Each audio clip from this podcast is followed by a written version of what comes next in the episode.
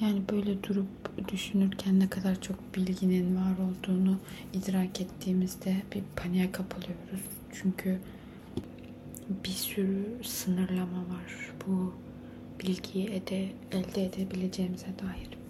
Mesela e, algılarımız. E, sadece beş farklı algı yoluyla, algılama yoluyla bilgi elde edebiliyoruz. Sonra zamanımızın kısıtlı oluşu. Ayrıca aynı anda sadece tek bir mekanda bulunabiliyor olmamız. Yani mekansal olarak da bir sınırlama var. Tabii ki bu sınırlamaların e, pek bir çoğunu internet sayesinde pek bir çoğu ne demek bilmiyorum. Pek çoğunu e, internet sayesinde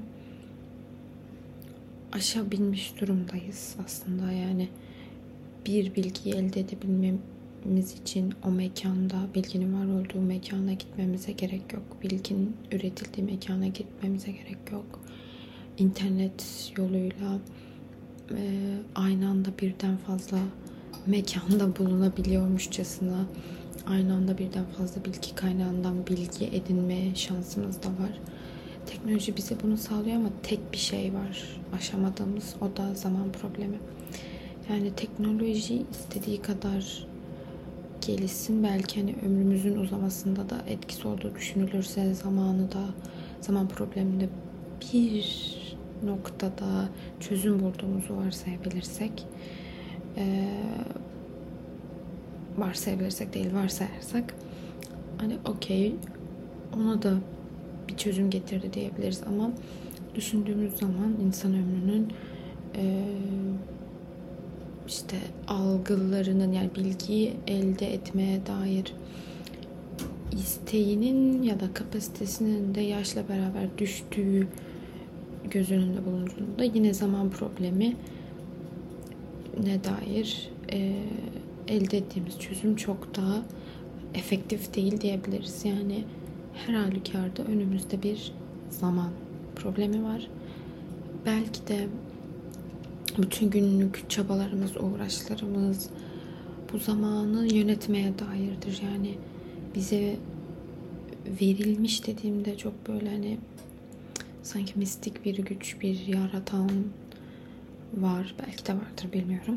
O konulara şimdi girmeyeceğim. Ve bize bu zamanı vermiş falan gibi bir anlam çıkabilir ama kastettiğim o değil. Yani insan ömrünün ortalama süresini biliyoruz. Ee, bir sıkıntı çıkmadığı sürece işte bu ortalama ömür süresince e, verilmiş bir zamanımız var diyelim. Bu zamanda ne yapacağız? Aslında bütün kaygılarımızda, bütün uğraşlarımızda biraz buna yönelik gibi. Yani bize verilmiş zamanla ne yapacağımızı bilme işimizin sonuçları gibi sanki. Yani bu yönden düşündüğümüz zaman tabii ki insanın çok hayatının çok merkezinde bir problem bu yani zaman problemi. Ama bir yandan da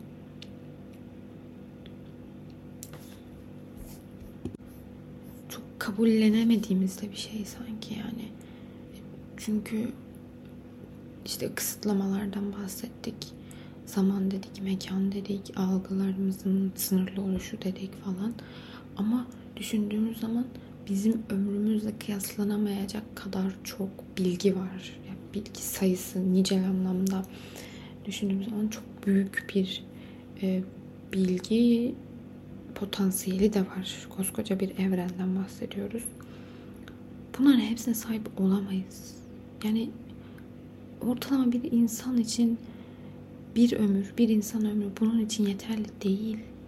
Her şeyi her anda, her anda diyorum, her şeyi bilmemizin olanı zaten yok. Yani matematiksel olarak, istatistiksel olarak, bilimsel olarak, hissel olarak hiçbir şekilde her şeyi bilemeyiz ve mutluluk dediğimiz şey de öyle her şeyi bilince, her şeyi yapınca, tüm deneyimlere sahip olunca olan bir şey değil.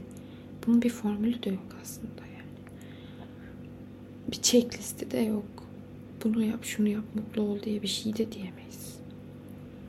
Tamam bilgi güçlü, tamam bazı konularda bilmek, bazı konularda değil, bazı açılardan bilmek gerçekten de bilmemekten çok daha iyi. Ama bazen de bilmemek yani mutlulukla bilmemek arasında da bir korelasyon olabilir. Bilmiyorum. Şimdi bu ikisini karşılaştırmayacağım. Benim anlatmaya çalıştığım şey tüm oyuncaklar bizim olamaz. Alper Hasanoğlu'nun psikiyatrisinin ona dediği gibi. Her şeyi aynı anda yapamayız. Bir tane ömrümüz var ve seçimler yapmak zorundayız. Bazı şeylere evet derken bazı şeylere hayır demek zorundayız. İşte yine çok merkez, hayatımızın merkezinde bulunan çok yorucu bir probleme geri dönüyoruz bu noktada. Karar verme problemi. Her an, her an bir karar verme zorunluluğunda neredeyse bulunmamız gerektiği. Yani e, sabah kalktığın andan itibaren, sabah kalktığın saate bile karar verebilirsin. Sürekli bir ne yapacağına dair aslında karar vermen gerekiyor düşündüğün zaman salt bir insan olarak düşündüğünde bu böyle. Ama tabii ki işte kapitalizmin e, içerisinde beyaz yakalıysan ya da mavi yakalıysan çalışan bir insansan sana ait olan yani senin ne yapacağına karar verdiğin zaman çok kısıtlı olduğu için belki de hani orada da performansı etkileyecek yaptığın işi nasıl yaptığını etkileyecek kararlar vermen gerekiyor vesaire tamam ee, kısıtlı da olsa aslında çok büyük yani o kısıtlı özgürlükle bile baş edemiyoruz. Ee, kapitalizmin içerisinde insanın özgürlüğü büyük oranda kısıtlanıyor. Evet. Sana nasıl yaşayacağını, nasıl yaşaman gerektiğini sürekli fısıldıyor bir şeyler. Ama yine de e, durup düşündüğün zaman karar vermen gereken bin ton mesele olduğunu görüyorsun. Gelişi güzel yaşayıp hiç sorgulamadan işte sana ne dikte ediliyorsa onu yaptığın, onu istediğin, o yoldan yürüdüğün falan bir hayat da mümkün tabii ki. Daha konformist bir hayattır bu. Pek çok açıdan bunu da anlıyorum ama bilen bilir bir kere sorgulama işine girdiğin zaman da pek bir geri dönüşü olmuyor açıkçası. Yani Demek istediğim aslında bizi bu kadar yoran, hırpalayan şeyin e, zamanımızla ne yapmamız gerektiğine karar verme özgürlüğüne sahip oluşumuz aslında. E, yani bir sürü şeyden korkuyor oluşumuz da belki de bu karar verme endişesinin e, endişesini yatıştırmak için geliştirdiğimiz şeydir. Yani korku belki de sığındığımız bir şey de olabilir. Ee, sığındığımız güvenli bir sığınak da olabilir. Bunu ne demek istiyorum? İşte toplum tarafından dışlanmamak için pek çok e, davranışımızı sınırlıyoruz ve pek çok özgürlüğümüzden aslında vazgeçmiş oluyoruz. Ama bu korkunun üzerine gidip tam aksi yönde hareket etmek çok yorucu bir şey. Ve biz e, bunu yapmak yerine çoğu zaman bu korkuya teslim oluyoruz. Yani özellikle sosyal hayattan o dışlanma korkusu zaten hani içgüdüsel de bir şey. Okey bunu da anlıyorum biliyorum ama demeye çalıştığım bu bir dakika kedim işiyor olabilir.